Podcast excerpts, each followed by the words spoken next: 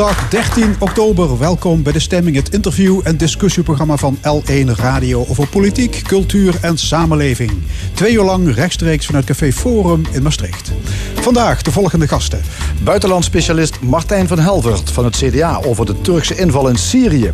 Charlotte van Dijk bespreekt een boek over de ongelijkwaardigheid tussen man en vrouw. En onze economieanalist Bart Verspagen over de toekomst van de landbouw. Wat is er fundamenteel nodig om de klimaatcrisis aan te pakken? In het tweede uur filosoof en politicus Maarten Verkerk. Dan ook een column en het panel discussieert over actuele zaken. Van IS tot statiegeld op blik. En muziek, en die is vandaag van Pepper and the Jellies. I may be wrong, but I think you're wonderful. I may be wrong, but I think you swell.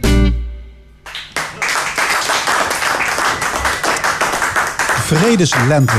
Onder dat curieuze motto is het Turkse leger het noorden van Syrië binnengevallen. De bedoeling van Erdogan is om de Koerden een kopje kleiner te maken.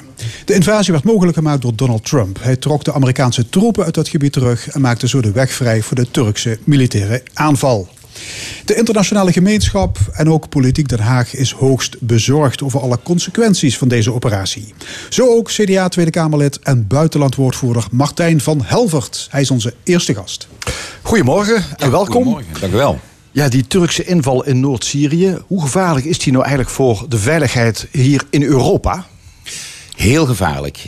Ik heb het idee dat uh, een aantal kabinetsleden in Den Haag niet in de gaten hebben wat voor iets verschrikkelijks zich op dit moment afspeelt in Syrië. Het is echt de achtertuin van, uh, van Europa. En het is echt heel erg. Koerden worden daar uh, afgeslacht. Het leger, wat juist voor de NAVO-landen uh, de echte, het vieze werk heeft gedaan tegen IS. dat, die bondgenoten van de NAVO worden nu door een NAVO-lidstaat, Turkije, aangevallen. En dat is, uh, dat is echt verschrikkelijk. Ja, ik zag op, uh, op Twitter deze week dat u zich vooral bezorgd maakt over de IS-strijders die gevangen zitten in Syrië, in het gebied dat door de Koerden nu gecontroleerd wordt. Ja. En waar bent u bang voor? Nou, wat, uh, wat gewoon een feit is, is dat door uh, de aanval van het Turkse leger de Koerden uh, keihard moeten vechten tegen Turkije. Zullen moeten vluchten, want het Turkse leger zal zeker sterker zijn en met groter machtsvertoon komen. Waardoor die IS-terroristen die genocide hebben gepleegd op, op, op, op Jezidis, op christenen, op moslims, omdat ze niet genoeg of het goede geloofden, ehm, dat die nou gewoon vrijkomen.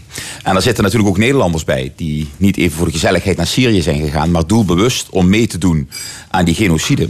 En uh, via Turkije, want die, zullen, die willen best wel samenwerken met IS, uh, kunnen die gewoon makkelijk terug naar Europa komen. Nou, en die gaan hier niet hun oude beroep van bakker of slager of bij de DSM of Philips oppakken. Dat zijn gewoon terroristen. En uh, die kun je dan hier wel veroordelen, maar het bewijs ligt nog in Syrië. Dus dan worden die hier veroordeeld voor lidmaatschap van een terroristische organisatie. En dan zijn ze binnen een half jaar weer op vrije voet of met een enkelband, terwijl ze eigenlijk liever een bomgordel dragen. En dat is, dat is gewoon een reëel gevaar. Is er iemand die hier überhaupt iets aan kan veranderen? Ik bedoel, de Turken ja, zijn daar binnengevallen. Die uh, ja, voeren daar nu oorlog met verschrikkelijke gevolgen ook voor de bevolking natuurlijk ter plekke. Allereerst, ja. ja en uh, maar ja, kan iemand er iets aan doen om die IS-strijders waar u zich dan zo zorgen over maakt, uh, om te voorkomen dat die vrijkomen op die plek? Ja, ik zou een heel betoog kunnen houden over wat we al hadden moeten doen. Maar goed, daar, we zitten nu in een crisissituatie die we nu hebben. Dus laten we even kijken wat we nu het beste kunnen doen. En dat is, en die opdracht heb ik ook het kabinet gegeven via een zogenaamde motie, zoals we dat doen in de Tweede Kamer. Dan kun je opdrachten geven aan het kabinet vanuit de Kamer om de NAVO-raad zo spoedig mogelijk bij elkaar te roepen. Uh, om te bezien hoe we dit dreigende gevaar uh, gezamenlijk tegen kunnen gaan. Want alleen kan Nederland dat natuurlijk niet. Hè. Die, die, zo reëel moeten we zijn. De, ook de deplorabele staat van ons leger laat niet toe dat wij daar eens even massaal naartoe uh, oprukken. En dat moet je ook niet willen, laat ik me dat ook voorop stellen. Maar samen met de NAVO-landen hebben we wel een artikel 4. En artikel 4 zegt, als een van de lidstaten ziet dat de veiligheid bedreigd wordt van een lidstaat, dan kun je die NAVO-raad bijeen te roep, roepen om uh, samen plannen te maken om dat tegen te gaan. En dat moet echt direct gebeuren. Ja. Ook al zitten in die NAVO Turkije en de Verenigde Staten. Want dat maakt het natuurlijk extra gecompliceerd dat Ja. juist Turkije als eh, agressor nu daar in Noord-Syrië lid is van die NAVO. Dus wat kun je als NAVO ondernemen? Ja, zeker. Dat het makkelijk is, eh, dat eh, is zeker niet gezegd. Turkije is natuurlijk, gaat al steeds verder van die NAVO af. hè. Ook de zogenaamde F-35, een gezamenlijk project van veel NAVO-landen, wilden zij niet meer. Sterker nog, ze zijn dure raketten bij de Russen gaan kopen. Ehm, en de Verenigde Staten, ja, die hebben nou eigenlijk, of ik moet eigenlijk zeggen, Trump heeft aangekondigd dat de VS zich terug gaat trekken uit, eh, uit Syrië. Ehm, nou, dus dat die twee maken het wel extra gecompliceerd en vergroten het gevaar voor de NAVO-lidstaten. maar, maar, wat, maar wat zou u bijvoorbeeld, wat, wat zou in een ideale situatie, wat zou de NAVO kunnen ondernemen op dit, op dit Ja, moment? situatie 1 is eh, de tweet van Trump eventjes relativeren door te zeggen... u gaat op termijn wel weg, maar niet vandaag of morgen. Daar zie je ook al binnen het congres, hè, het Amerikaanse congres... die zijn het echt niet eens met eh, Trump op dat punt. En de Verenigde Staten is ook echt meer dan de twitters van Trump. Dus daar moeten we rekening mee houden. En dat moeten we in zo'n NAVO-raad ook duidelijk krijgen. En je kunt elkaar als NAVO-leden wel aankijken van... jongens, wat zijn we als NAVO nog waard... als we tegen één NAVO-lidstaat, Turkije, niet durven zeggen met z'n allen... hé, hey, jij brengt ons als collega-lidstaat in gevaar... door die ISIS-strijders gewoon vrij te laten en door te geleiden naar Europa. Ja, maar moeten dan alle, alle schepen die beschikbaar zijn van de NAVO de Middellandse Zee op en in de Bosporus gaan liggen om te voorkomen dat er IS-strijders deze kant op komen? Of wat moet ik me voorstellen? Nou, laten we dat vooral hopen van niet. Want we hebben ook nog een Europese Unie. Maar de EU en de NAVO moeten eigenlijk aan tafel eruit komen hoe we dat gaan doen. En ik stel me zo voor dat een mogelijkheid kan zijn. Maar goed, ik bedoel, ik ben eh, lid van de Tweede Kamer van Nederland. Ik zal niet een einduitslag voor de NAVO-ministers voorschrijven. Maar je kunt je wel voorstellen dat de NAVO-landen samen afspreken... hoe gaan wij die gevangenissen in Syrië gezamenlijk versterken, bewaken... en zorgen dat mensen daar punt 1 niet van de honger omkomen. Want dat gevaar dreigt ook natuurlijk. Maar twee, in leven blijven om berecht te worden. En drie, dat ze niet wegkomen zomaar. Ja, dat zal dan wel heel snel moeten gebeuren. Absoluut, ja. Maar daarom is mijn boosheid naar het kabinet ook zo. Want dit is niet iets van partijpolitiek of die vindt dat of die vindt dat. Iedereen vindt dat die mensen niet vrij rond moeten lopen. En toch is die urgentie bij het kabinet er niet. Terwijl dat toch taak één is van een overheid om je land, om je eh, landgenoten niet in gevaar te brengen. En dat is nu wel een Dus eigenlijk zegt u Nederland zou een luchtbrug moeten instellen om die Europese of Nederlandse IS-strijders op te halen. Hier op te sluiten en hier te berechten. Nee, absoluut niet. Dat, heb ik, eh, dat vind ik helemaal geen goed idee zelfs. Wat we moeten doen, is dat we bij de NAVO-raad bij elkaar komen en zeggen... hoe zorgen we dat de gevangenen die nu goed vast zaten bij de Syrian Democratic Forces... waar ook afspraken over waren, die zaten daar goed... hoe zorgen we dat die daar vast blijven en dat we ze daar kunnen berechten, meneer... Dus eh, militairen die kant op om gevangenissen daar te bewaken. nou, of gewoon zeggen, nou, de Amerikanen zitten er toch al en wij steunen ze wel. Maar dat kan of financieel, of dat we ze ontlasten in Irak, of dat we de Amerikanen elders ontlasten. Dat we zeggen, die Amerikanen zitten er toch al. Help daar in plaats van wegrennen. Eh, Zoals het congres van Amerika op dit moment ook tegen Trump zegt. Nou, ren daar niet zomaar weg, maar help eerst en ga pas weg als je het opgelost hebt. En Nederland kan er wel in ondersteunen dat ze daar vast blijven zitten. En dat vragen die Syrian Democratic Democratic Forces, ook dus de Syriërs die ISIS-strijders nu vast hebben. Help ons met het vasthouden van deze mensen. En help ons dat we hier een rechtssysteem of in Irak opzetten om ze berecht te krijgen. Ja. Van de andere kant, die terugtrekking van de Amerikanen die komt niet uit de lucht vallen. Hè. President eh, Trump die komt in feite gewoon zijn verkiezingsbelofte na. Want die zei van ja, ik wil Amerika uit al die oorlogen terugtrekken. Ja. En, en in Syrië is natuurlijk ook al eens naar Nederland gekeken om de vraag van willen jullie ons helpen hier door de Amerikanen? Hebben wij ook niet eh, op, in, in toegestemd. Dus in die zin is het vreemd dat wij nu zo verbaasd zijn. Dat de Ja, Amerikanen dat is heel vreemd. Als we, eh, eh, iedereen die verbaasd is of verrast is door het besluit, besluit van Amerikanen eh, om te vertrekken uit Syrië, ja, die heeft echt onder een steen gelegen. Hè? Want Trump heeft dat echt heel duidelijk gezegd. Ehm, eh, Dus, dus in feite, alles wat we nu bedenken, hadden we al kunnen bedenken. Absoluut. Ik, ik opende met te zeggen, we zouden eigenlijk een hele uitzending kunnen wijden aan wat we al lang hadden moeten doen en niet hebben gedaan. En dat is, dat is gewoon verschrikkelijk. Het punt is alleen dat we nu met deze situatie zitten, maar u heeft helemaal gelijk als u zegt dat Trump heel duidelijk aan Europese lidstaten heeft gevraagd, eh, NAVO-leden, van willen jullie mij helpen in Syrië? En dat geen enkele lidstaat daar fatsoenlijk op eh, geantwoord heeft, inclusief Nederland. Ja, ik, ik zag trouwens deze week dat u de president van de Verenigde Staten persoonlijk nog gewaarschuwd heeft via Twitter. Ja, zeker. Nee, ja, nou, ik vind wel dat je je moet uitspreken. Kijk, en Trump zal, weet niet eens wie ik ben en zal mijn uh, tweet ook niet lezen. Maar ik denk dat we wel vanuit als, uh, als volksvertegenwoordigers wel de taak hebben om te zeggen uh, wat wij hiervan vinden. Want daarvoor heeft u mij in Limburg allemaal aangesteld, daar huurt u mij voor in. en als ik nou stil blijf en niet zeg wat ik ervan vind, dat vind ik, dat, dan, dan verzwijg je de grote misdaden die nu gepleegd worden tegen de Koerden. En de Koerden zijn juist de mensen, en misschien vergeten we dat in Limburg ook wel eens. De Koerden zijn juist de mensen die voor ons het allervieste werk hebben gedaan in de oorlog tegen IS. De Amerikanen hebben natuurlijk veel gedaan. De Nederlanders hebben ook meegevochten, ook met F-16's. Ook onze mannen en vrouwen waren erbij. Maar het echte vieze werk op de grond, de grote verliezen leiden. Dat hebben de Koerden voor ons gedaan. En juist zij worden nu aangevallen door een NAVO-lidstaat NAVO Turkije. Voorafgegaan, het wordt nog beschamender, voorafgegaan door een groep rebellen die weer gesteund is door de Nederlandse overheid. Dus met Nederlandse Toyota pick-ups worden de Koerden nu afgeslacht uh, in, in Noord-Syrië. En dat vind ik echt heel erg. Ja, als um, de, de situatie daar gewoon doorgaat zoals het nu uh, gebeurt, hè, zodat de Turken die daar dus de Koerden um, bestrijden. en, en, en vanuit Europa wordt Turkije daarvoor veroordeeld, dan heeft eh, president Erdogan van Turkije die heeft al gedreigd om vluchtelingen vrije doorgang te geven naar Europa. Dat zijn Syrische vluchtelingen, 3,5 miljoen, die zitten nu in Turkije. er is een deal om die in Turkije te houden. Maar hij heeft gezegd: als jullie mij blijven veroordelen, ga, zet ik de poorten open, komen die vluchtelingen allemaal jullie kant op. Wat vindt u van zo'n dreigement? Ja, ook zo'n dreigement is niet onverwachts. Hè. Dat je, het is niet dat je denkt van, god, dat had ik nog nooit verwacht dat hij met dat dreigement zou komen. Je ziet dat Erdogan in grote problemen zit, ook intern. Hè. Dus economisch, zijn land gaat heel slecht. Nou, een, een, dictator in problemen moet een oorlog beginnen, zeggen ze wel eens, om het volk weer achter zich te krijgen. Dat heeft hij nu gedaan. Uh, en Europa probeert hij natuurlijk koers te houden door dat dreigement te doen. Nou, dat moet je uiteraard serieus nemen. We moeten wel eerlijk zeggen dat Europa ook niet met lege handen staat. Uh, maar Europa kan een vuist maken. Wat als kunnen we, we dat tegen inbrengen ja, dan, als we, u? Als we eensgezind zijn en ook snel optreden door een aantal grote geldstromen die naar uh, Turkije gaan. Dan hebben we het over vele miljarden per jaar.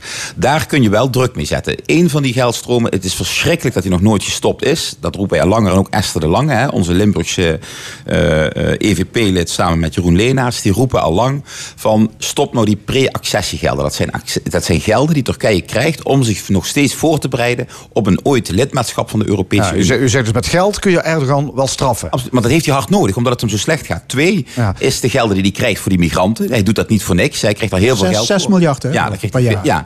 En we hebben nog altijd de handel met ah. Turkije, waar Turkije ook veel geld aan verdient. Dus, ja. maar, maar geeft dit ook niet aan, zo'n dreigement eh, van, van, van Erdogan, dat je eigenlijk helemaal geen deals moet sluiten, en zeker niet over mensen, met dictators? Is, ja. is die deal gewoon niet helemaal fout geweest? Ik moet zeggen, ik noemde ook Erdogan net dictator. De eerlijkheid gebiedt me even te zeggen dat hij officieel nog steeds een uh, gekozen president is. Maar nou, laat ik nou zeggen met een autoritaire leider. Maar ik noemde hem net ook al zo hoor. Dus ik, ik kan het heel goed begrijpen. Want we, we stellen de verkiezingen ook, daar stellen we vraagtekens bij hoe democratisch waren ze. En hoe hij zich gedraagt, is, gedraagt nu is dictatoriaal. Uh, nou, uh, over die deal die destijds gemaakt is, uh, was ik ook zeker niet enthousiast. De eerlijkheid gebiedt mij wel te zeggen, we moesten wel iets. Hè. So, bedoel, anders dan was er totaal geen afspraak over hoe gaan we daarmee om. en we zagen dat vele migranten stierven op zee. Overigens nog steeds is dat een gevaar. dus je moest iets. Is er een goede goede deal? Nee. Was het veel beter dan niks? Ja. Uh, dus ja, dat is mijn antwoord. Ja. ja. brengt dit, eh, deze hele discussie, eh, brengt dit misschien ook uh, nieuwe argumenten naar boven om te kijken naar een Europees leger? Want we zijn nu inderdaad weer gebonden toch ook aan de Amerikanen. Mm. je ziet wat er van komt. Je, je, staat dan opeens uh, met je rug tegen de muur als Europa. Europees leger, is dat een goed idee? Ik ben tegen Europees leger, want we hebben ook geen NAVO-leger. We hebben een NAVO-missies en daar nemen lidstaten aan deel. Ik vind dat we als Nederland zelf moeten bepalen wanneer onze vrouwen en mannen ergens naar oorlogsgebied eh, gezonden worden. En dat moet niet een uh, Europese minister of uh, leider doen. Wat ik wel vind, is dat Europa veel beter moet samenwerken op defensiegebied. Ik ben daar laatst ook voor met Europese parlementariërs in Helsinki geweest om te kijken hoe kun je dat doen. Want als je bijvoorbeeld kijkt wat we gezamenlijk met alle EU-lidstaten uitgeven aan defensie, doen, zijn we veel veel grotere defensiemacht dan uh, Rusland bijvoorbeeld. Maar omdat Rusland alles netjes gecoördineerd doet en bij ons ieder land voor zich, uh, maken wij, ja, slaan we nog geen deuk in een pakje boter bij de Russen. Dus dat moeten we echt beter samen doen. Ja. Um Ik wil met u ook nog even naar Den Haag. U bent toch hier, zou ik maar Ja, zeggen. nu we er zijn. Ja. Ja. Ja. het kabinet is de meerderheid in de Tweede Kamer eh, kwijtgeraakt. Nu eh, oud-VVD'er Van Haga zegt... ik hou mijn eh, zetel, maar dan op persoonlijke titel. Dus formeel is er geen, geen meerderheid meer in de Kamer. Eh, hoe is de sfeer in Den Haag? De ziel onder de arm? Nou, eigenlijk moet ik u zeggen, valt dat eigenlijk wel mee. Eh, kijk, we hadden al een hele dunne meerderheid. Eh, dus wat je doet is dat je toch, en ik vind het eigenlijk wel heel gezond, dat je heel veel eigenlijk met, ook met die oppositie overlegt. En ja, eentje meer of minder, ja, je kunt nu zeggen, officieel zijn we de meerderheid kwijt. Maar omdat we ook rekening moeten houden, als er wetsvoorstellen doorkomen, dat je ook in de Eerste Kamer een meerderheid moet hebben en die verhouding is weer anders, zie je eigenlijk al dat alles misschien wel heel mooi overlegd wordt eigenlijk in die Tweede Kamer. Het nadeel is natuurlijk dat soms overleggen iets langer duren. Eh, maar je hebt wel een hele brede meerderheid. Dus is het heel erg nee. Ik heb ook goed contact met de heer Haga. Hè. Ik zeg nou, sinds nu bent u dan ook woordvoerder Defensie en Buitenlandse Zaken. Dus we kunnen vanaf nu ook dingen samen doen. Want voorheen was hij dat natuurlijk niet. En nu is hij woordvoerder over alles. Maar ja, GroenLinks heeft nu gezegd... ja, we steunen het kabinet eigenlijk in eh, alle, alle begrotingsvoorstellen sowieso. Dus GroenLinks eh, misschien de nieuwe gedoogpartner. GroenLinks kan ook eisen gaan stellen. Is dat, ga- ga- gaat het kabinet eh, richting links verschuiven? Elk Kamerlid kan nu eisen stellen. Dat kan gewoon links, maar dat kan ik natuurlijk ook. Snap je? Dus eh, als je, zo, als je geen meerderheid hebt, kan elk Kamerlid. eh, kan, eh, dus dat maakt het wel echt eh, heel democratisch. Laten we dat ook maar eens even zeggen. Eh, wat je eh, wel ziet, is dat de begroting die is gepresenteerd. Eigenlijk natuurlijk stiekem verschrikkelijk goed is. Hè? Voor, zeker voor eh, de groep waar Zij- iedereen. Zegt een CDA-kamer. Nou nee, maar, maar dat zegt eigenlijk GroenLinks ook. Hè? Want de, eh, de, de groep mensen waar we ons allemaal in Nederland heel veel zorgen om, zorgen om maakten, namelijk die, die middengroep. Hè? We doen, iedereen zei, we doen wat voor de rijken, we deden ook wat voor de, voor de allerarmsten. Maar die middengroep die hard werkt en ook niet rondkomt, daar, daar is een hele goede begroting voor. Nou, en als je daar tegen wilt stemmen, nou, dan moet je toch wel met hele goede argumenten komen. Dus het is ook, moeten we eerlijk zeggen, een manier van oppositiepartijen om te zeggen dat ze dit keer wel eens akkoord zullen gaan met de begroting. Nou, dat mag ook. En dat vind ik netjes. Oké, we blijven het volgen. Dank u wel. Martijn van Helvert, Tweede Kamerlid voor het CDA. Dank u wel voor de uitnodiging. In Maastricht eh, wordt dit weekeinde Jeker Jazz gehouden. Met meer dan 100 optredens in cafés, hotels en restaurants. Giel Koenen, welkom. Je bent de organisator. Ja. Dat lijkt me een hele klus. Ja, is het ook. eh, we zijn er een hele jaar bezig mee. eh, met het eh, team Jeker Jazz. Eh, het wordt het 29, of het is al 29 jaar. Volgend jaar jubileum. 30 jaar Jeker En doe je dit onbezoldigd? Ja, wij doen dit allemaal zonder subsidie van de stad Maastricht. Jammer genoeg. Eh, misschien dat daar ooit eens eh, verandering in komt. Want het zijn toch 100 live concerten wat wij doen. Ieder jaar. Ja, en al die bandjes spelen trouwens gratis. Eh, sp- spelen die bands tegen gereduceerd tarief? Die bands die spelen niet gratis. Want die worden dan... Nee, de, op, ik bedoel, de optredens zijn gratis voor het publiek. Ja, alle concerten, alle, het zijn dit jaar ook weer rond de 100 concerten. Allemaal gratis. Dit is wat wij ook willen. En daar heb ik eigenlijk ook een, een bedoeling mee, want muziek is voor iedereen. En eh, tegenwoordig, ja, alles wordt zo opgeschroefd eh, met eh, consumpties en met entreeschelden. Wel, waarvoor doe ik het? Dat is ja, eigenlijk die man 29 hoog links in de flat. Wat iedere dag zijn uitsmijter moet delen met zijn vrouw en twee kindertjes. Die hebben ook recht op muziek. En eh, ik vind dat moet dus verandering in komen in dat opschroeven van het eh, betaalbare. Muziek is voor iedereen. Een heel sociaal is- project is het eigenlijk. Dat Dit je- is wat Jeker Jazz doet, ja. Hier op het podium Pepper and the Jellies uit Rome. Hoe heb je dit jazz- en bluesbandje ontdekt? Ja, dat is eh, eigenlijk heel leuk gegaan. Eh, ik speculeer nogal veel. Ook op, eh, kom je muziek tegen op Facebook bijvoorbeeld. En dan via muziekvrienden zie je weer hun vrienden. En ja, in één keer zonder dat ik het wist, zat ik in Italië. Ik schreef ook op zijn Nederlands. Hey, leuk wat jullie doen. Jullie zijn welkom op Ja, je, je wist niet dat er een Italiaanse band was. Dat wist ik helemaal niet. Na twee weken kreeg ik een reactie van Marco. De gitarist. Hij zegt tegen me eh, van yes, we want to come. Ik denk, ho, wacht eens even. Dat wordt onbetaalbaar voor jekertjes, in feite. Maar eh, die mensen, dat zijn zo'n eh fantastische, lieve mensen. Zeer goede muzikanten ook. Ze zeiden, nee, we want to come. Wij willen komen. Ja, en je hebt ze nu al voor de derde keer gehaald. Ja. Jazz. Waarom vind je dit zo'n goede band? Eh, waarom vind ik dit zo'n goede band? Ik hoorde Elenia zingen. En ik ben zelf opgegroeid met muziek. Mijn moeder draaide thuis op die kleine plaatjes. Dat eh, gekraak door het hele huis van eh, Billie Holiday, Sarah Vaughan, de blues en zo. En ik hoorde een stemmetje à la Billie Holiday in feite. Toen, toen dacht ik aan Elenia. En- Dus de stem van zangeres Elenia Ja, Apiccia Fuoco, zo heet ze, doet je denken aan Billie Holiday. Ja, eh, eh, Billie Holiday eh, is opgestaan, in feite. Zo, zo zag ik het. Ja. En ja, ik wou ze graag hebben op Jazz. En toen zei Marco, yes, we want to come. We nemen Ryanair, dat is dan goedkoper. En zorg jij voor installatie, voor een contrabas, voor een slaapplaats. Nou, dat doe ik natuurlijk niet bij iedere band, dat is helemaal niet te doen. Ik ben er al een jaar mee bezig. Maar voor hun doe ik dat wel. Dus eh, dan ga ik bedelen bij een hotel voor slaapplaats. Ik ga bedelen bij Jan Knoren voor een contrabas. Ik ga bij een vriend bedelen voor de installatie. En ze komen aan met Ryanair en ze gaan spelen. Dus je bent als organisator van JK Jazz een soort beroepsbedelaar. Dat is, Overal moet je pingelen en afdingen. 30 jaar bedelen. 30 Hey, ze hebben gisteren in Maastricht hun derde cd gepresenteerd. Ja. The Stuff is Here. Ja, En? Ja, klopt. Goeie plaat? Ehm, ja, dat is een bijzonder cd wat ze hebben gemaakt. Er zit veel gevoel in, in feite. En eh, historie, want eh, ja, dit is muziek wat ze maken. De jazz, de blues, de soul, er zit alles in. Uit de jaren 30, 40. eh, dit, dit gaat heel ver terug wat zij doen. En ja, nogmaals, dat maakt het zo speciaal aan die bands. Ze groeien ook enorm in Italië. En dit is wat ik fijn vind. Zij helpen ons, wij helpen hun. Het hoeft niet altijd om geld te gaan. Je moet elkaar kunnen helpen, in feite. En dan wordt de wereld ook weer beter. Kijk, wij willen ook vliegtuigen, maar wij, wij, wij zullen daar geen bommen uitgooien. Wij gooien daar instrumenten uit. Eh, Want muziek, iedereen houdt van muziek. Zo is dat. We gaan naar ze luisteren. Ja. Giel Koenen, succes met JK Jazz. Vandaag nog de hele dag. En jij mag dit Italiaanse kwartet Oké, aankondigen. ik heb het opgeschreven voordat ik het vergeet. Eh, dames en heren, eh, in Maastricht bij Jekertjes, live uit Italië, Pepper and the Jellies met het nummer I, be, I May Be Wrong.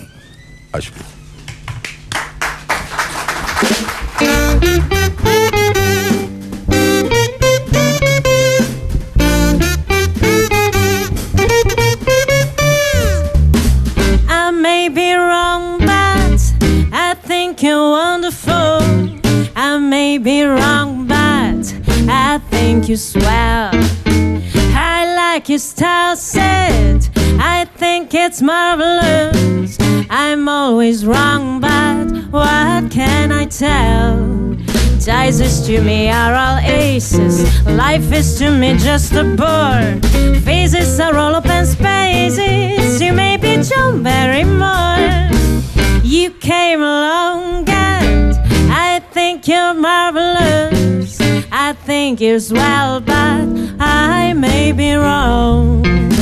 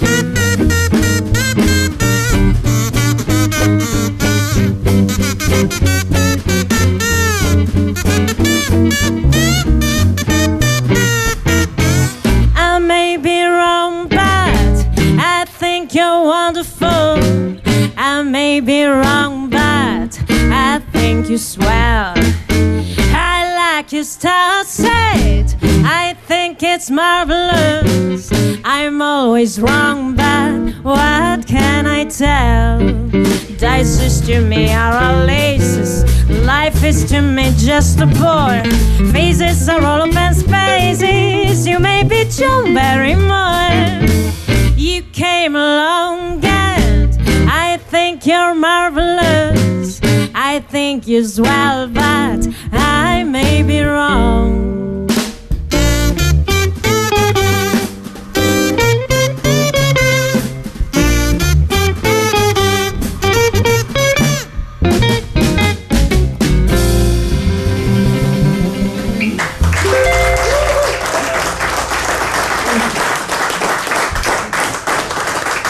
And the Jellies, live in de stemming van L1. Meestal worden feministische boeken geschreven door vrouwen, maar een enkele keer door een man. Zoals Huub Salman, orthopedagoog in de jeugdzorg. Hij vindt dat vrouwen al 7000 jaar worden onderdrukt en dat het hoog tijd is dat vrouwen een gelijkwaardige positie krijgen in het gezin, op het werk en in de openbare ruimte. Hij schreef het boek De Weg naar Gelijkwaardigheid, waarin hij en passant harde noten kraakt over de islam. We gaan erover praten, over dat boek, met Charlotte van Dijk-Pieters, tot voor kort directeur van de vrouwenorganisatie FAM. Huub Salman zelf, die heeft zich vanwege gezondheidsproblemen moeten afmelden. Mevrouw van Dijk, welkom. Goedemorgen. Eh, komt het vaak voor dat een man een boek schrijft over de vrouwenzaak? Het komt vaak voor. Je ziet ook eh, eh, columns eh, waarin ze standpunten weergeven. Het is een zaak, eh, emancipatie is een zaak van mannen en vrouwen. Ja, u heeft op ons verzoek het boek gelezen. Ja, Ja. Jammer dat Salman er vanwege gezondheidsklachten niet bij is. Wat vond u ervan? In het kort. In het kort. ehm, ik zag dat hij, dat meneer Salman heel veel schrijvers, denkers, filosofen, politici door de jaren heen heeft aangehaald, eh, geciteerd. Ehm, ik vind altijd het risico daarin is dat, ehm, dat je ehm, eh, stellingen, standpunten eh, vanuit je eigen beeld pakt. En daardoor beperk je je wel je keuzes. En dan lijkt het dan lijkt het alsof, ehm, alsof je heel breed denkt. En eh, tegelijkertijd, omdat je een gekleurd beeld hebt, is het toch een, een, soort kokervisie. Wat ik tenminste uit dit boek. Kokervriezen, ja. Maar het feministische gedachtegoed, dat spat van iedere pagina af. Dus in die zin zou je dat toch mee in uw nopjes moeten zijn. Ehm, ik zou ermee in mijn nopjes zal eh, moeten zijn, eh, mits het gebaseerd was op wij samen. En wat ik. eh, wat elke, elke bladzijde van afspat, dat is vooral van eh, wij en zij en het hebben over vrouwenonderdrukking. En dan denk ik, wacht eens heel even. De eh, emancipatie, nogmaals, is een kwestie van samen doen. En dat vind ik niet terug. Ja, zijn redacteur noemt hem in het voorwoord een toornige auteur. Toornig betekent kwaad, nijdig, woest. Is dat de emotie achter het boek? Toornig. Ehm, wat ik, er, ik, heb ooit één keer, eh, een jaar geleden, meneer Salman gesproken. Bijzonder aardige eh, man. Eh, Ja, maar goed, achter Als je pc kun je behoorlijk... eh, als ik dan het boek lees en ik lees over eh, eh, vrouwenonderdrukking en ik lees over eh, vrouwen onder, onder de duim houden, dan denk ik, ik herken dit nou, niet. met name de grote godsdiensten. Die krijgen een flinke vegen te pannen. Hè? Met name de islam. Maar goed, daar kom ik in een later stadium op, eh, op terug. Nee, nee, nee. Mannen. Vrouwenonderdrukking door mannen. Ja. Hij zegt dat we een mannelijke economie hebben. Ja. En dat de grote problemen van deze tijd, de tegenstelling tussen rijk en arm, eh, de klimaatcrisis, voedseltekorten, oorlogen, dat die allemaal het gevolg zijn van die mannelijke economie. Bent u het daarmee eens? Ehm, als je, als je eh, kijkt naar ehm, mannen en eh, de verbonden eh, competenties, kwaliteiten, dan heb je het inderdaad over zorgen dat je zoveel mogelijk krijgt, economisch gewin. Als je dat zegt, dit, dit is een manneneconomie, zou je dat mogen, zou je dat wel mogen stellen? Alleen, nogmaals, hij plaatst het weer in een bepaald licht waarvan ik denk, het zal wel een manneneconomie zijn. Wij vrouwen, wij vrouwen zouden dat ook willen. eh, willen. Alleen wij, wij, wij, eh, wij hebben een andere weg. Maar, maar hij zegt dat die ellende is veroorzaakt door typische mannelijke eigenschappen: macht, carrièredrang, geld, strijd, bezit. Ja. Of zegt Eh, u dat dat zijn dingen die hebben vrouwen net zo... eh, Eh, ik denk dat vrouwen dat ook hebben. Maar toch in En- en, mindere het, mate, of en het op een andere manier aanvliegen. Mannen hebben dat door de eeuwen heen veel sterker ontwikkeld. Ja, En hij zegt, wil je die kolossale problemen oplossen, dan heb je de vrouw nodig. Met vrouwelijke waarden, zoals jezelf wegcijferen, bescheidenheid en luisteren, dan komt de boel weer in balans. Ehm, ik geloof dat, nogmaals, je moet het samen doen. En inderdaad, als je, en dat zie je nu ook steeds meer in, in, in, in, in, in, in besturen, besluitvorming, eh, is dat men eh, de, de kwaliteit van het samen, van het mannelijke en het vrouwelijke bij elkaar, eh, de diversiteit, Diversiteit. dat ja. geeft de Maar kracht. diversiteit betekent ook meer vrouwen natuurlijk. Uiteraard, Ja. maar het u vindt dat meer. Salman eigenlijk doorslaat in zijn feministische denkpatronen. Ja, dat, is, dat is inderdaad. Hij haalt u erg feministisch in. Pardon? Hij haalt u feministisch in. Is dat zo? Eh, wat bedoelt u Hij daarmee? is extremer in zijn filosofie dan, dan u zelf. Ja, als man zijnde. Ik denk dat hij eh, extremer is dan menigeen. Menigeen Ja. feminist. Hij zegt, we hebben een grote diensteconomie. En die eist, ik citeer het boek, beleefdheid, empathie en dienstbaarheid. Stuk voor stuk vrouwelijke eigenschappen. Kortom, de 21ste eeuw is de eeuw van de vrouw.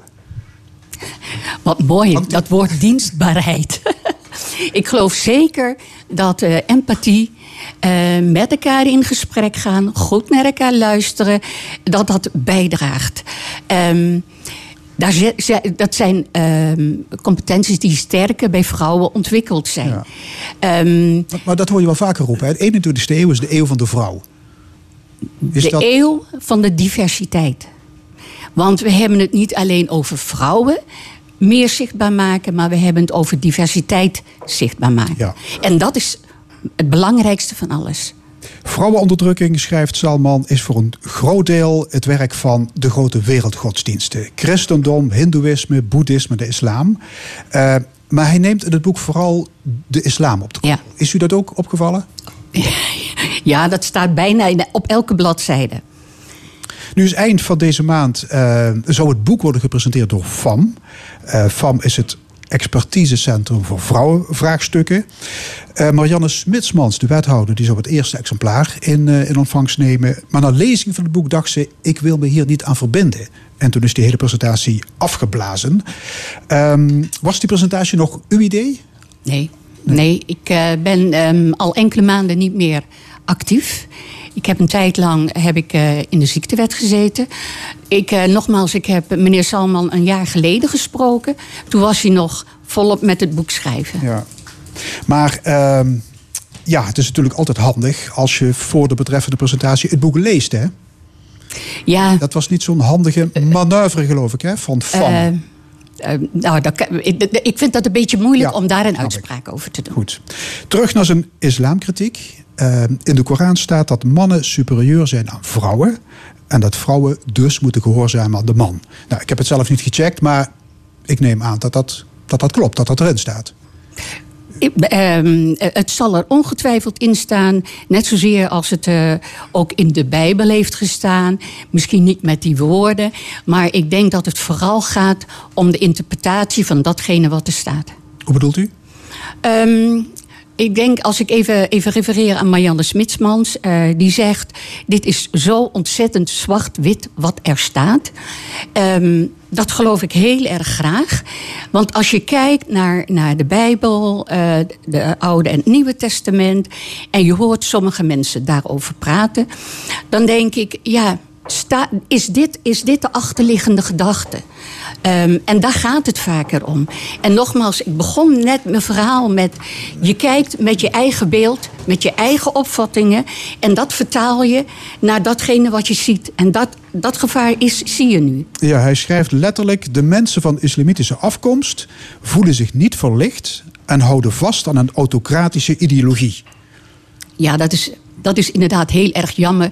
om op die manier over hele bevolkingsgroepen over één kant te Ja, scheren. want er zijn heel veel gematigde moslims die, die niet de. Koran Verlichten.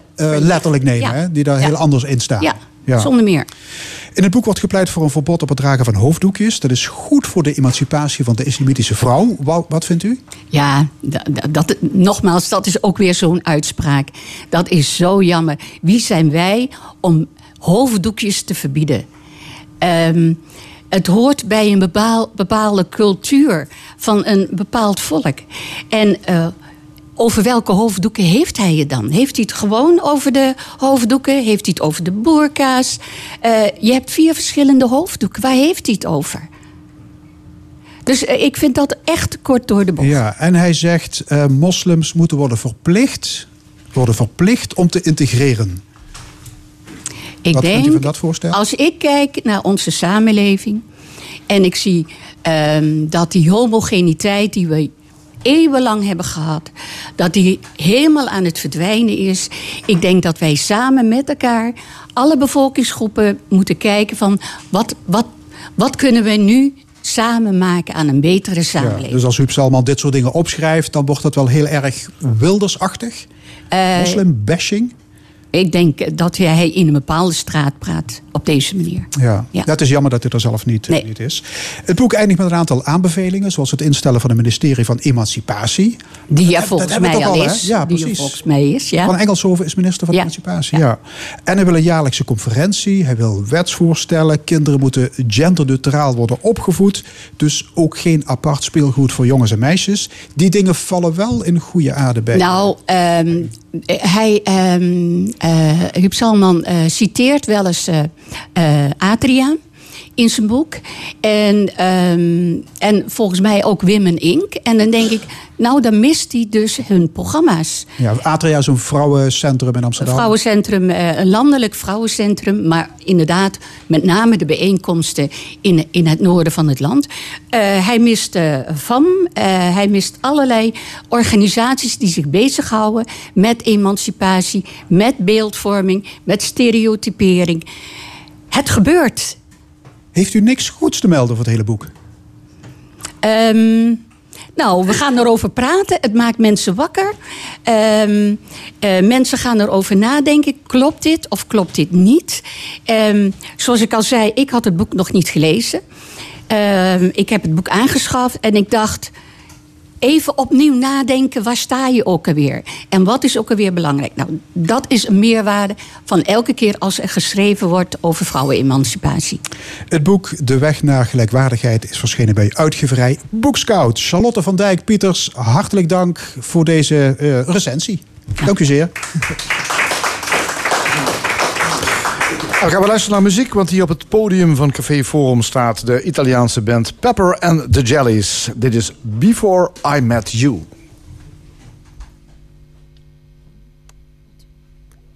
The last song I've sung, the last page I've read, the last tear I've shed, and the dream I dreamed, the last drop of wine on my lips, the last man I've kissed, the last ray of sunshine on me before I met you. Wandering around, trying to forget you were too close. And in those fading lights near to the blue, I can hear, I can feel the last song I've sung, the last page I've read, the last tear I've shed before I met you.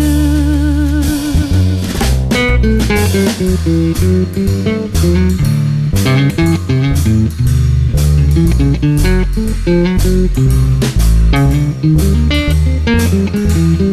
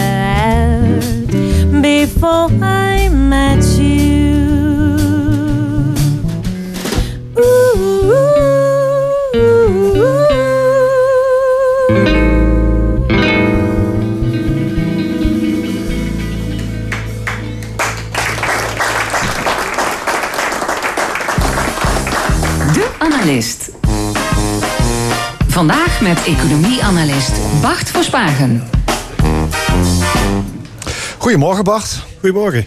Ehm, jij hebt goed nieuws ontdekt in een eh, toch eigenlijk behoorlijk alarmerend rapport van het IPCC. Dat is een eh, internationale organisatie die in eh, augustus kwam met een rapport.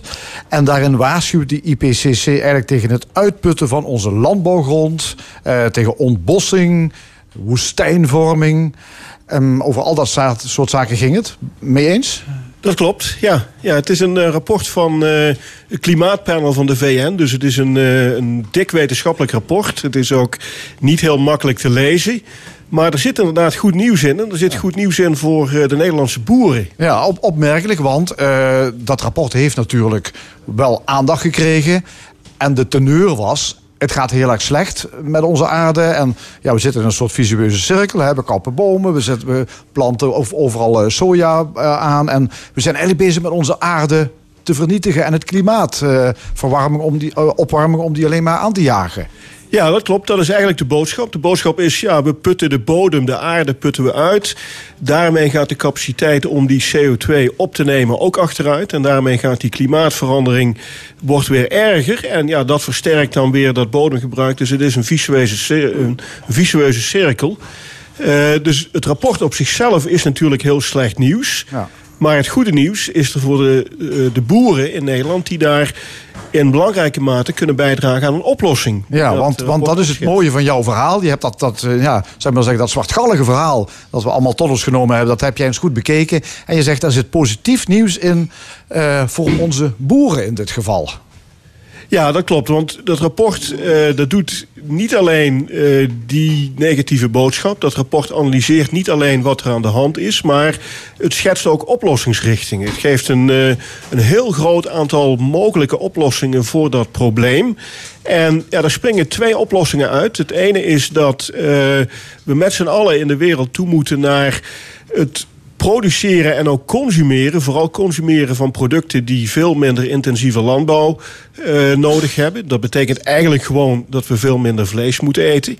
Maar de andere oplossing is, eh, of een van de andere belangrijke oplossingen, is dat we de landbouw veel productiever moeten maken. Dus we moeten per hectare eigenlijk een veel hogere opbrengst halen. En dat Ja. is waar, eh, waar Nederlandse boeren in uitblinken. Ja, ja zometeen inderdaad die, die inkrimping eventueel van de veestapel, hè, waar veel over te doen is. En waar dit rapport dus ook over gaat. Maar je zegt, eh, er moet een ander soort landbouw komen. En die landbouw, daar zijn wij in Nederland juist goed in. Ja, je moet eh, heel productief produceren. Dus je moet met zo weinig mogelijk grond zoveel mogelijk producten zien te produceren waarmee, waarmee wij de wereld kunnen voeden. En ja, dat is waar de Nederlandse landbouw heel goed in is. Als je dat is naar- intensieve landbouw. En ik dacht altijd, dat is toch juist heel slecht voor natuur en klimaat? Nou, het is wel intensief, maar het, eh, het kan ook op een, eh, op een, goede manier, op een eh, sustainable, dus een, een duurzame manier. Maar je moet in ieder geval zorgen dat je zo weinig mogelijk grond gebruikt, zodat je die andere grond die je dan niet meer nodig hebt, gewoon kunt vrijlaten aan de natuur. Dat je daar die bossen, die uurwouden kunt laten staan, die regenwouden kunt laten staan. En ja, door de land die je voor landbouw inzet, heel effectief en productief te gebruiken, kun je een heleboel winnen. Ja, gaat dat niet automatisch gepaard met ge- gebruik van bijvoorbeeld heel veel pesticiden, bestrijdingsmiddelen en dergelijke? Automatisch denk ik niet, maar in de praktijk zal dat wel vaak gebeuren. Maar dat zijn dingen waar natuurlijk een heleboel onderzoek naar gebeurt, waar ook al een heleboel kennis over is, hoe je dat toch met een hoge opbrengst kunt doen zonder eh, dat soort dingen te gebruiken. Of Ja. in hoge mate te gebruiken. En, en, en dat soort landbouw, dat zou je juist kunnen gebruiken om de klimaatcrisis aan te pakken. Ja, precies. Want dan doorbreek je die visueuze cirkel, waardoor je steeds meer grond in gebruik moet nemen als landbouwgrond. eh, omdat je landbouw productiever wordt. En daarmee kun je dus eh, zorgen dat die CO2-opname van de aarde op peil blijft. eh, en daarmee dus ook eh, het broeikaseffect kunt tegengaan. Ja. Nou, is een ander punt uit dat rapport is dat we minder vlees moeten gaan consumeren. En dus, ook, ja, en dus minder vee moeten gaan houden. Nou, dat is iets wat die Nederlandse boeren juist helemaal niet blij mee zijn. Nee, dat is een beetje het, het grote actiepunt geworden. hè. Het is een hele Ja. complexe problematiek. Maar eh, de boeren lijken zich maar om één eh, ding te bekommeren. Dat is die wel of niet halvering van de veestapel. Maar ja, het is eh, natuurlijk wel iets waar we niet onderuit zullen komen. Hè. De politici kunnen wel blijven beloven dat die boeren die veestapel niet zullen, zullen hoeven halveren. Maar globaal gezien is er geen ontkomen aan het feit dat we met z'n allen veel minder vlees mo- moeten zullen gaan consumeren. Ja, daar is dit IPCC-rapport ook heel duidelijk in. Klip en klaar. Ja, precies. Ja, ja dus, dus je zegt, eh, of zeg, zeg jij nou van dat die Nederlandse boeren blijven vasthouden aan behoud van die veestapel zoals die nu is. Dat is eigenlijk een achterhoede gevecht. Dat is een achterhoedegevecht, ja. En ik zeg ook, eh, mijn boodschap is ook niet dat de Nederlandse boeren gewoon kunnen blijven doen wat ze al, eh, al doen. Nee, ze moeten wel veranderen en ze moeten proberen om die effectieve, die hoogproductieve landbouwmethodes, om die uit te dragen naar het buitenland. Om boeren in het buitenland ook te overtuigen dat ze op die manier moeten gaan werken. Ja, maar ik denk eerst dat die boeren gewonnen moeten worden voor eh, die omslag. Hè. Eh,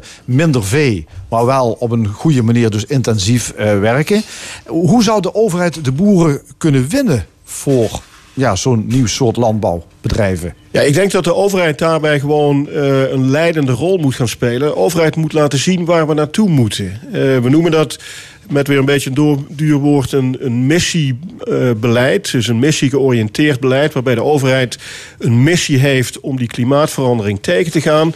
En die missie wil ze gaan uitdragen met alle maatschappelijke spelers. En je ziet dat die overheid op dit moment dat eigenlijk helemaal niet doet. Want ze laat alles over aan de maatschappij. Ze roept een aantal maatschappelijke spelers rond tafels bijeen. Daar komt een hele waslijst van allerlei onduidelijke klimaatdoelen uit.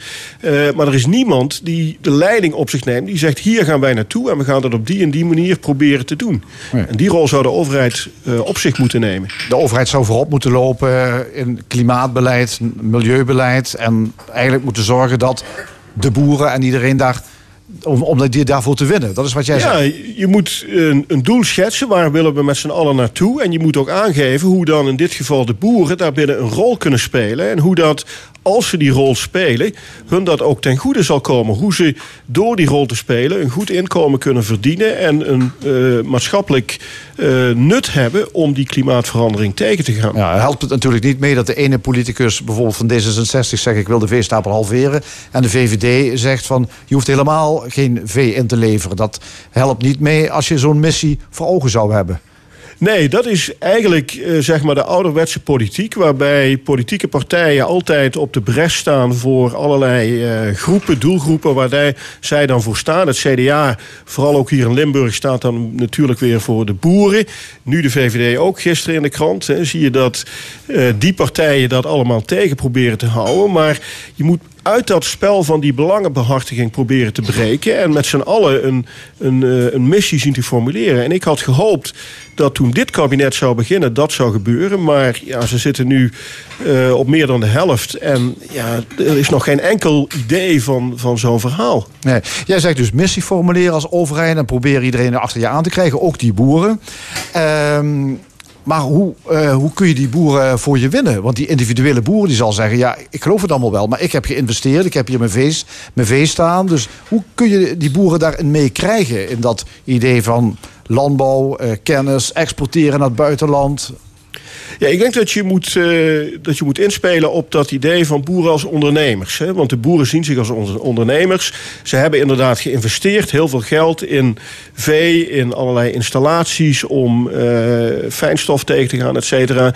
Nou, je moet ook inspelen op die ondernemersgeest. Geef hun aan dat wanneer zij ondernemer zijn ze ook kunnen meehelpen om dat klimaat wel te verbeteren. Dus geef hen een perspectief om bijvoorbeeld door middel van een corporatie gesteund door overheidsmiddelen in het buitenland een efficiënt landbouwbedrijf op te zetten. Een heleboel boeren hebben dat al gedaan, maar dat zijn natuurlijk de boeren die in het buitenland al actief zijn, die je nu niet in, het, eh, in de acties uh, ziet. Uh, maar geef aan dat dat een mogelijkheid is waar je echt een hele goede boterham kunt verdienen als je bereid bent om die ondernemersrol op je te nemen. Ja, dan zeg je dus eigenlijk boeren moeten in het buitenland eh, moeten met die kennis die ze hier hebben opgedaan, of die wij hebben opgedaan hier, moet je in het, in het buitenland maar gaan boeren. Ja. Nou, je moet in ieder geval in het buitenland investeren. We hebben tegenwoordig een maatschappij waarbij je uh, van afstand bedrijven kunt uh, besturen, kunt oriënteren. Dus het is niet zo dat iedere boer naar het buitenland zou moeten verhuizen. Maar die boeren kunnen wel met elkaar bedrijven oprichten die ze vanuit Nederland, vanuit Europa besturen. Maar in het buitenland investeringen plegen. Want daar is het hard nodig. Daar is de landbouw nog lang niet zo productief als die hier is. En daar moeten we vooral dat bodemgebruik terug zien te dringen. Ja, en, en het moet allemaal duurzaam, zeg je. Dus zonder gewas, uh, hoe heet dat? Gewasbeschermingsmiddelen, geen kunstmest, uh, genetische manipulatie. Mag dat wel? Nou, uh, over hoe je precies dat duurzaam doet, daar uh, kan ik als econoom heel weinig over zeggen. Ik denk dat je daar de biologen en de agronomen en, en de, de mensen bij de Universiteit van Wageningen met name zult moeten vragen. Maar er zijn wel degelijk, hè, er is wetenschappelijk onderzoek naar methodes van landbouw die duurzaam zijn en die toch hoog, hoog productief zijn.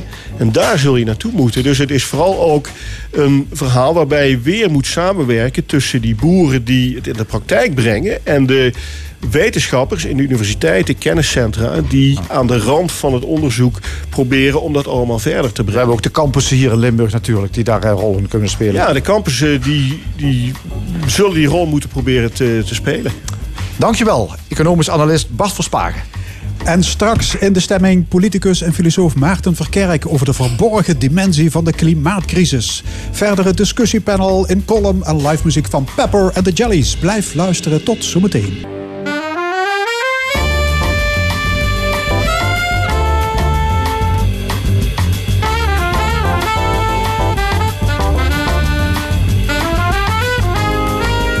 De stemming met Frank Ruber en Fons Geraerts.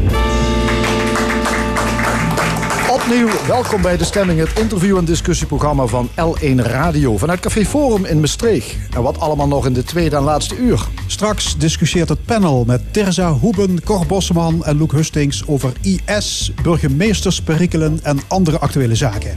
Een column van Rezi Kolmans over een zwaar kruis om te dragen. Muziek van Pepper and the Jellies, maar eerst de klimaatcrisis. De moderne mens is de verbinding met de medemens kwijtgeraakt en ook met de natuur. Dat stelt Maarten Verkerk, hoogleraar christelijke filosofie... in zijn afscheidscollege van vorige week. Die verbroken verbindingen liggen aan de basis van de huidige, klimaatcrisis. En ze zijn ook debet aan veel ander onheil. De vluchtelingenstromen, de groeiende kloof tussen arm en rijk... en de opmars van het populisme. De grote vraag is, hoe krijgen we die inclusieve samenleving weer voor elkaar? En wie of wat moet het voortouw nemen? Aan tafel ChristenUnie-politicus en filosoof Maarten Verkerk. Meneer Verkerk, goedemiddag.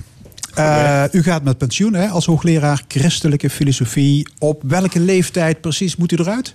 Nou, ik moet er formeel uit als ik 66 jaar en 4 maanden uh, oud ben. Okay. En mijn uh, colleges geef ik altijd in de periode maart tot en met april. En dat betekent dat dan ben ik ouder dan 66 jaar en 4 maanden. Dus ik uh, moest ook stoppen. Ja, en vindt u het ook mooi geweest? Of had u liever nog even door willen gaan? Nou, ik vind onderwijs geven ongelooflijk mooi. Ik heb ook een manier van onderwijs geven dat ik heel veel dialoog en gesprekken heb met eh, studenten. En dat is zo waardevol, zo boeiend en zo inspirerend. Ik vind het heel jammer dat ik moet stoppen met onderwijs. Maar goed, iedereen ervaart dat een keer in zijn leven dat hij soms met dingen moet stoppen. Dus, dat, gaat u ook het meeste missen. Die, die diepgaande gesprekken met jongeren over zaken des levens. Ik ga het onderwijs zeker missen. Ja. Ja. Eh, zeg, uw afscheidscollege die ging over de klimaatcrisis. Ja. En u begon met die, met die beruchte overwinningsspeech van Thierry Baudet van Forum voor Democratie. Eh, en daarin noemde hij de energietransitie een afgod. Citaat: Op het altaar van deze afgod wil het partijkartel honderden miljarden offeren. Dat vond u een aparte beeldspraak. Ja, ik vond het een hele aparte beeldspraak. Kijk, wat hij in zijn eh, speech deed, is dat hij een visie wilde schetsen voor Nederland en voor de wereld. En dan zie je dat hij dan ook spreekt over de klimaatcrisis. En dat hij plotseling allemaal religieuze woorden gaat gebruiken. Geloof, ongeloof, zondeval, wederopstanding. Nou, dat integreerde me eigenlijk. Want hij is een seculier politicus. Hij is geen christen. En waarom ga je dan al dit soort beelden gebruiken? Nou, dat vond ik heel opvallend. En daarom heb ik, heb ik ook gedacht, nou, ik wil ook hem recht doen. Dus laat ik dat ook eens proberen op een wetenschappelijke manier te onderzoeken. En inhoudelijk is, is die klimaattransitie weggegooid geld? Nee, ik geloof er niets van. Ik geloof dat als je alle berichten die je gewoon in de kranten leest, dan is er sprake van een klimaatcrisis. Als je kijkt naar het IPCC, een Ja, internationaal er over gezelschap gehad, hè? ja, Ja. eh, van geleerden, dan moet je gewoon zeggen: als we alle wetenschappelijke gegevens op een rij zetten en alle theorieën en modellen op een rij zetten, dan is de aarde aan het opwarmen. En dat gaat zo snel dat we gewoon moeten spreken van een crisis. Geen lieve woorden gebruiken van het klimaat verandert. Nee, er is sprake van een crisis. Ja, Baudet zei ook dat onze beschaving wordt ondermijnd door wetenschappers en journalisten. Ja, door u en ik eh, eigenlijk. Ja. Schiet er bij u een beetje op? Ondermijnen van eh, de beschaving. Ja, ik heb wat eh, moeten glimlachen bij die, eh, bij die zinsnede. Eh, hij is zelf een wetenschapper. Hij is gepromoveerd. Nou, als hij zegt, ja, mijn werk was niet goed... dus je kunt in mijn werk niet vertrouwen... dan is dat een oordeel over zijn werk. Ik werk aan een universiteit. Ik ontmoet ongelooflijk veel integere wetenschappers. Ik word regelmatig geïnterviewd. Ik heb contacten met journalisten. Ik ontmoet ongelooflijk veel integere journalisten. En ik vind het heel jammer als iemand wantrouwen zaait. Ja, maar populisme kent veel aanhangers, hè, ook onder klimaatontkenners. Eh, ja, die populisten die willen geen drastische maatregelen om opwarming van de aarde te stoppen. Zijn die mensen ooit op andere gedachten te brengen? Nou weet u, ik begrijp er wel wat bij. Als je politici hoort zeggen wat er allemaal nodig is... als je ze ziet vechten... Hè, de een is voor, de ander is tegen... dan kan ik me voorstellen dat een heleboel mensen zeggen... wat speelt er nou? Die beginnen te twijfelen. Ik twijfel. Ik begrijp dat. En daar zie je ook een zwakte van de democratie die we hebben. Maar als we eerlijk de wetenschappelijke gegevens op ons laten inwerken... dan moeten we zeggen dat het één minuut voor twaalf is. U noemt trouwens in het college eh, klimaatverandering in één adem met andere grote problemen, zoals vluchtelingen, de kloof tussen rijk en arm, de ongebreidelde marktwerking. Alles hangt met elkaar samen. Ja, ik denk dat een heleboel problemen met elkaar samenhangen. Je ziet bijvoorbeeld overal in de westerse wereld dat de regels versoepeld worden. He, het is gezegd, er zijn minder regels nodig. Eh, belastingen worden verlaagd. Eh, als je naar dit soort fenomenen gaat kijken, dan zie je altijd dat de rijke landen rijker worden en de rijke mensen in de rijke landen die worden rijker. Dat zijn de effecten. Je ziet ook de vluchtelingenstromen. Je ziet het populisme. De Nou, gele hesjes. En de gele hesjes. Dus het zijn allemaal symptomen van hetzelfde probleem. Ja, ik denk dat de gele hesjes, misschien is de manier waarop ze zich geuit hebben niet de beste manier. Maar ik denk dat die een serieus probleem op tafel leggen. Namelijk, de problemen van de samenleving worden afgewenteld op arme mensen, op vluchtelingen, op slachtoffers, et cetera, et cetera. Ja, het vorige uur wat gesteld, het is allemaal de schuld van de man. W- waar komen volgens u die grote problemen vandaan? Wa- wat is het probleem? Nou, zelf zou ik willen zeggen, als je in de loop van de geschiedenis gaat kijken. en dan wil ik het woord verbroken verbindingen gebruiken. dan zie je dat we steeds meer verbindingen zijn eh, verbroken. Pakweg 400 jaar geleden geloofde iedereen in God. Later zijn we door de verlichting heen gegaan. En in de verlichting hebben we de band met God is verbroken. Ook is de band met de natuur anders geworden. Want de natuur was geen schepping van God meer. Maar de natuur was een instrument, iets wat we konden gebruiken. En nu in de postmoderne samenleving is ook de, de band met de medemens eh, veel zwakker geworden. Oké, ik wil ze alle drie één voor één even met u, met u doornemen. Want ja, verbroken verbindingen, dat is een kernbegrip hè, uit dat afscheidscollege van u. De, de bron van alle moderne rampspoed. Ehm, maar wilt u nou zeggen dat mensen die, die niet in God geloven, dat die er geen moeite meer hebben om de aarde uit te putten? Nee, dat wil ik eh, beslist niet zeggen. Ik heb ook in het tweede gedeelte van mijn afscheidscollege ook aandacht gevraagd voor het heilige. Ook voor het seculier heilige. En wat bedoel ik hier met het heilige? Ik bedoel hiermee dat er dingen zijn die boven jou als individu uitsteken. Wat belangrijker zijn dan jouw eigen belangen als individu. Ik kom een heleboel mensen tegen die zeggen, die vol respect zeggen: wij moeten goede aarde achterlaten voor onze kleinkinderen. Voor hen is dat heilig. Dat stijgt boven hun individuele belangen uit. Nou, daar heb ik veel respect voor en daar wil ik graag mee samenwerken. Uh, de verbinding met de natuur, uh, wanneer is die verbroken? Eigenlijk is altijd al een probleem geweest in de relatie tussen mens en natuur op het moment dat wetenschap en techniek opkwam. En dat heeft ermee te maken dat heel lang de natuur redelijk neutraal was. als wij als mensen wat deden, dan gebeurde er niks met die natuur, die veranderde niet. En je ziet dat sinds de jaren 60, 70, dat is veranderd. Want de activiteiten van de mens hebben invloed op de natuur. En de filosoof Latour gebruikt daarvoor de mooie uh, woorden dat hij zegt... de aarde komt in opstand. De aarde richt zich tegen de mens. Nou, en wij lopen daar nu keihard tegenaan. Ja, ik hoorde zelfs de grote baas van Shell deze week roepen... de aarde is ziek. Dat is heel bijzonder dat de, de grote baas? Shell dat eh, nu pas noemt. Want dat was 25 jaar geleden was dat ook bekend. En ik had het op prijs gesteld als hij dat 25 jaar geleden had verteld. En toen ook maatregelen had genomen. Uh, ten slotte is de verbinding met de medemens gesneuveld. En dan heeft u het over de individualisering. De, Ja. de, de, de, de persoonlijke vrijheid. Ja. De dikke ik-cultuur misschien ook nog. Nou, dat is een heel mooi beeld van de filosoof Kunneman. Die spreekt over de dikke ik. En wat hij zegt, nou, dat is een moeite in onze cultuur... is dat twee mensen, twee dikke ik... ikken geen wij meer kunnen worden. En wat hij bedoelt aan te geven... iedereen gaat voor zichzelf. Maar als je ziet dat die problemen van klimaatverandering... klimaatontkenning, gele hesjes, vluchtelingenstromen... uiteindelijk samenhangen dan moet je eerlijk toegeven dat je die problemen alleen kunt oplossen als er een wij is. Als wij zeggen, wij hebben samen een probleem en wij gaan het samen oplossen.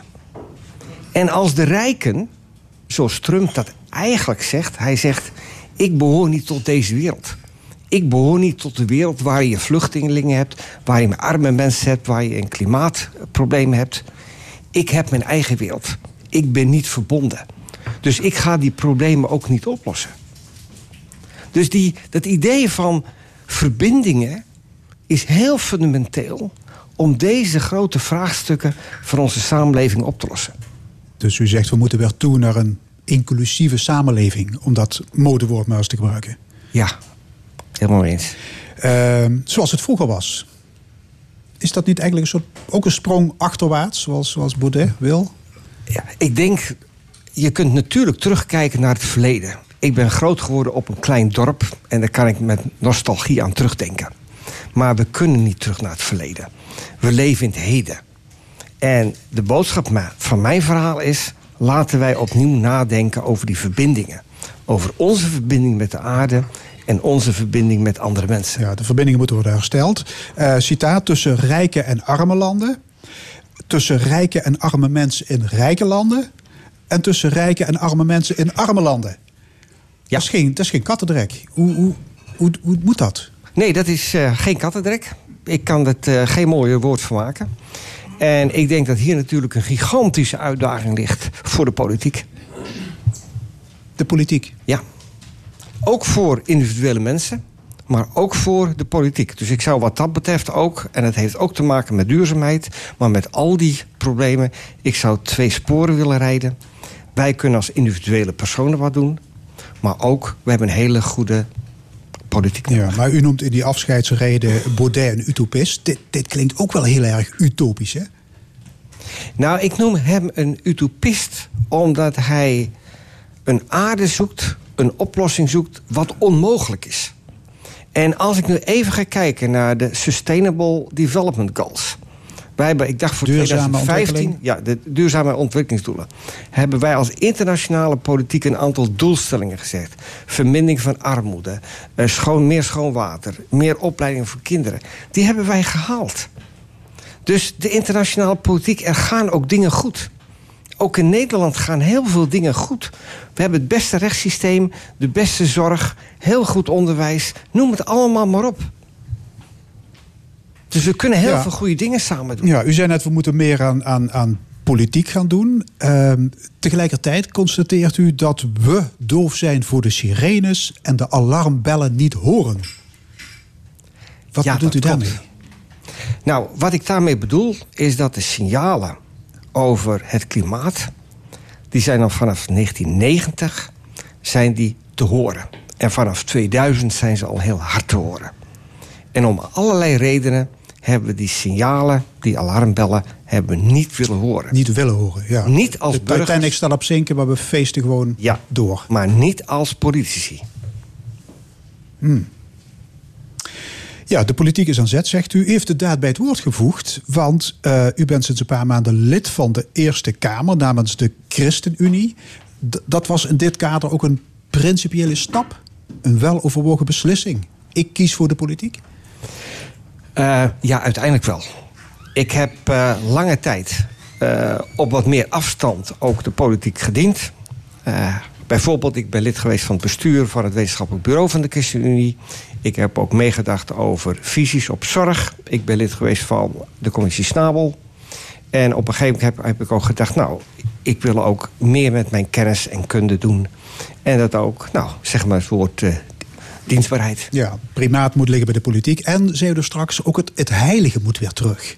Kunt u dat nog eens uitleggen? Ja, ik denk dat het goed is als we met elkaar, ook als wij in een samenleving leven met verschillende opvattingen, dat wij zeggen: wat is nou heilig voor ons? Wat stijgt boven onze individuele belangen uit? En dan begrijp ik best dat ik niet iedereen achter de, onder de noemer kan krijgen van het christendom. Maar laat ik dan iets anders noemen. De volgende generaties. Een prachtige aarde voor volgende generaties. Kunnen we daar elkaar niet vinden? En kunnen we daarvan niet zeggen: ja, dat is heilig voor ons. Dat mag niet ter discussie worden gesteld. Het CDA noemt dat renmeesterschap, hè? Eh, ja, maar eh, het gaat ook om de uitwerking van eh, het rentmeesterschap. En als we eens een keer zeggen dat de volgende generaties heilig zijn, dan gaan we toch anders denken. En dat zou ik met deze discussie ook eh, willen bevorderen. U voelt zich als, prof, eh, als eh, politicus, filosoof met name, verbonden met de profeet Jeremia. Wa- waarom met, met hem? Nou, als er één ding is wat bijvoorbeeld in het Oude Testament heel veel naar voren komt, zijn woorden als recht en gerechtigheid. En je ziet op een gegeven moment dat de profeet Jeremia geweldig veel kritiek heeft op een koning. Want er was een koning van Juda. En het land was geweldig arm. En wat deed hij? Hij ging een groot paleis voor zichzelf bouwen. En hij dwong het volk om gratis voor hem eh, te werken. En de profeet Jeremia gaat daar geweldig tekeer. En hij zegt: Ben je koning in cederhout? Ja? Gaat het jou als koning om rijkdom, om aanzien, om imago? En dan is zijn antwoord: Nee, het gaat om recht en gerechtigheid. En dat vind ik een geweldige boodschap voor onze politici, nationaal, eh, globaal. Het gaat niet om onszelf. Het gaat, gebruik het woord wat eerder werd gebruikt, om dienstbaarheid. Om recht en gerechtigheid. Ja, ik voel me opeens een beetje Andries Knevel als eh, interviewer. Zeg, van dat afscheidscollege... Ja, dat kan gebeuren. van dat afscheidscollege van nu is een boekje gemaakt... met op de cover een foto van Moeder Aarde. Ja. Eh, gemaakt door de bemanning van de Apollo 17. Ja. Waarom die foto? Het is zo'n prachtige foto. Die eigenlijk samenvat. Waar gaat het in mijn afscheidsreden om? Het gaat om de aarde. En dat heb ik willen vertellen. Het gaat om de aarde. Het gaat niet simpel om duurzaamheid. Het gaat niet om politieke visies als eerste. Het gaat om de aarde. En de aarde is in gevaar. Ja, het is een mooie ronde bol. U weet dat er duizenden mensen in Nederland zijn die denken dat de aarde plat is, hè? Er zijn ook nog mensen die geloven dat de aarde plat is. Niet zoveel. Maar ze zijn er. Maarten Verkerk, hartelijk dank. En we gaan weer luisteren naar Pepper and the Jellies. Overigens, als u meer van hen wil horen en zien, dat kan. Want vanmiddag om 4 uur treden ze op in Enfin Café Extraordinaire. Eh, en dat ligt aan de Sint-Pieterstraat in Maastricht. We gaan luisteren naar hun laatste optreden hier in de stemming. What a Little Moonlight Can Do. Pepper and the Jellies. One, two, three, one, two, three.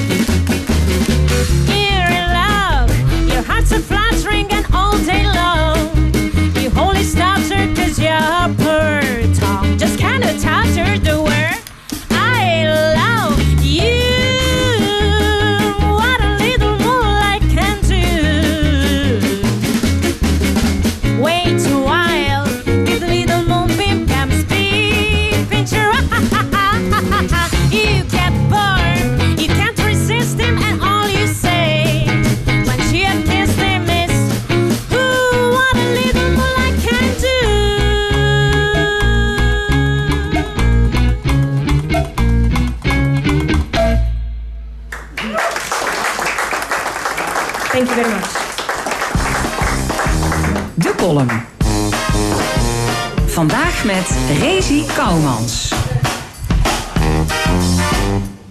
Ja, what a little moonlight can do, zeggen ze. Het is vanavond trouwens volle maan. Misschien dat het aan ligt. Want persoonlijk vind ik het leven van een columnist aardig zwaar. Soms gebeuren er namelijk zoveel dingen dat ze die de kop, dat die kop gewoon doordraait. En dat ze, het, dat ze het helemaal nimmer op een rehubs. En hoe moest ze dan in godsnaam, om met onze vorige filosoof over te spreken, het dan, hoe moest het dan over hebben? De boeren met haar stikstofprobleem, de klimaatactivisten, de listeria-bacterie. Wat trouwens waar weer heel goed is voor onze plaatselijke slechter, want die hadden nog nooit zo druk gehad. Eh, de e-sigaret waarmee ze zich de gaten in de longen zuigt. Of het verbod op de rookhokken. Ja, dat vind ik ook. Zeg, ja, je weet dat ik een roker ben, hè. Maar dat verbod op zich, dat, daar heb ik dan nog niet zo'n problemen met.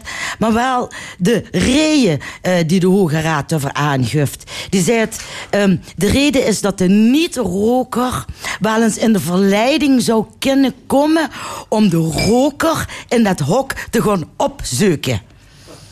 Nou, dan denk ik bij mijn eigen, ja, dan kan ze na te goed de treinen ook voorbij. Maar als zich op een gegeven moment het leven een beetje muigbus, zou het wel in de verleiding kunnen komen om een trein op te zoeken. Zo stabiel depressief van weren. Er zijn alle wijnen, wijnen, wijnen. Bij Chateau Meiland gewoon niet genoeg om zich toch overher te zoeken. Waar gaat anders? Maastricht. Veer kriegen in Remun de passion. Haha. Bedoel, ik weet dat Gerry als wiedergoedmachung voor het Songfestival eh, Wim Lex met zijn vrouw en de Wichter op bezoek krijgt. Maar dat weegt toch niet op tegen de grote verlosser met zijn moeder die bij ons komt. Dat dat een miljoen gaat kosten? Nou ja, hè? dat ze er ook heel andere dingen met op kunt slossen. Daar moest ze niet over zaniken. Du moest er geld voor over hebben om ons remuin op de kaart te zetten. En tenslotte besteedt die Münsterkerk ook maar één keer 800 jaar. Zo'n vier maand geleden is mijn mam gestorven. En een van haar laatste woorden was... Riesje, ik heb ruzie met God. Ze woont nog niet dood, maar haar lief was gewoon op, dus ze mos. En daarvoor hij ze ruzie. Maar zegt ze, dat is eigenlijk wel heel erg leuk. Want van God, daar wint ze toch niet van. Hè. En daar moet ik dus nu de hele tijd aan denken, net ook met het gesprek. Hè, terwijl wij ons druk maken om trivialiteiten, het dat fotte gezicht hoe Amerika zich dat teruggetrokken uit Syrië. De Koerden aan de lot overgelaten omdat die hem ook niet hadden geholpen in Normandië. En hij is president geworden met behulp van God. Althans, dat zeggen zijn partiegenoten. Maar nu, dames en heren, is er zijn mandaat kwijt. Ook volgens die partiegenoten. Maar hij heeft dus de, de, de deur opengezet voor de andere godsdienstwaanzinnigen die zijn kans heeft gegrepen om nu hele bevolkingsgroep systematisch uit te gaan moorden. Hongerduizenden op een vlug. De wereld in een fik en op een rand van een nieuwe wereldoorlog. Maar hey, ha, Jesus komt nog een mun. Oh, dat werd nog een zwaar kruid om te dragen.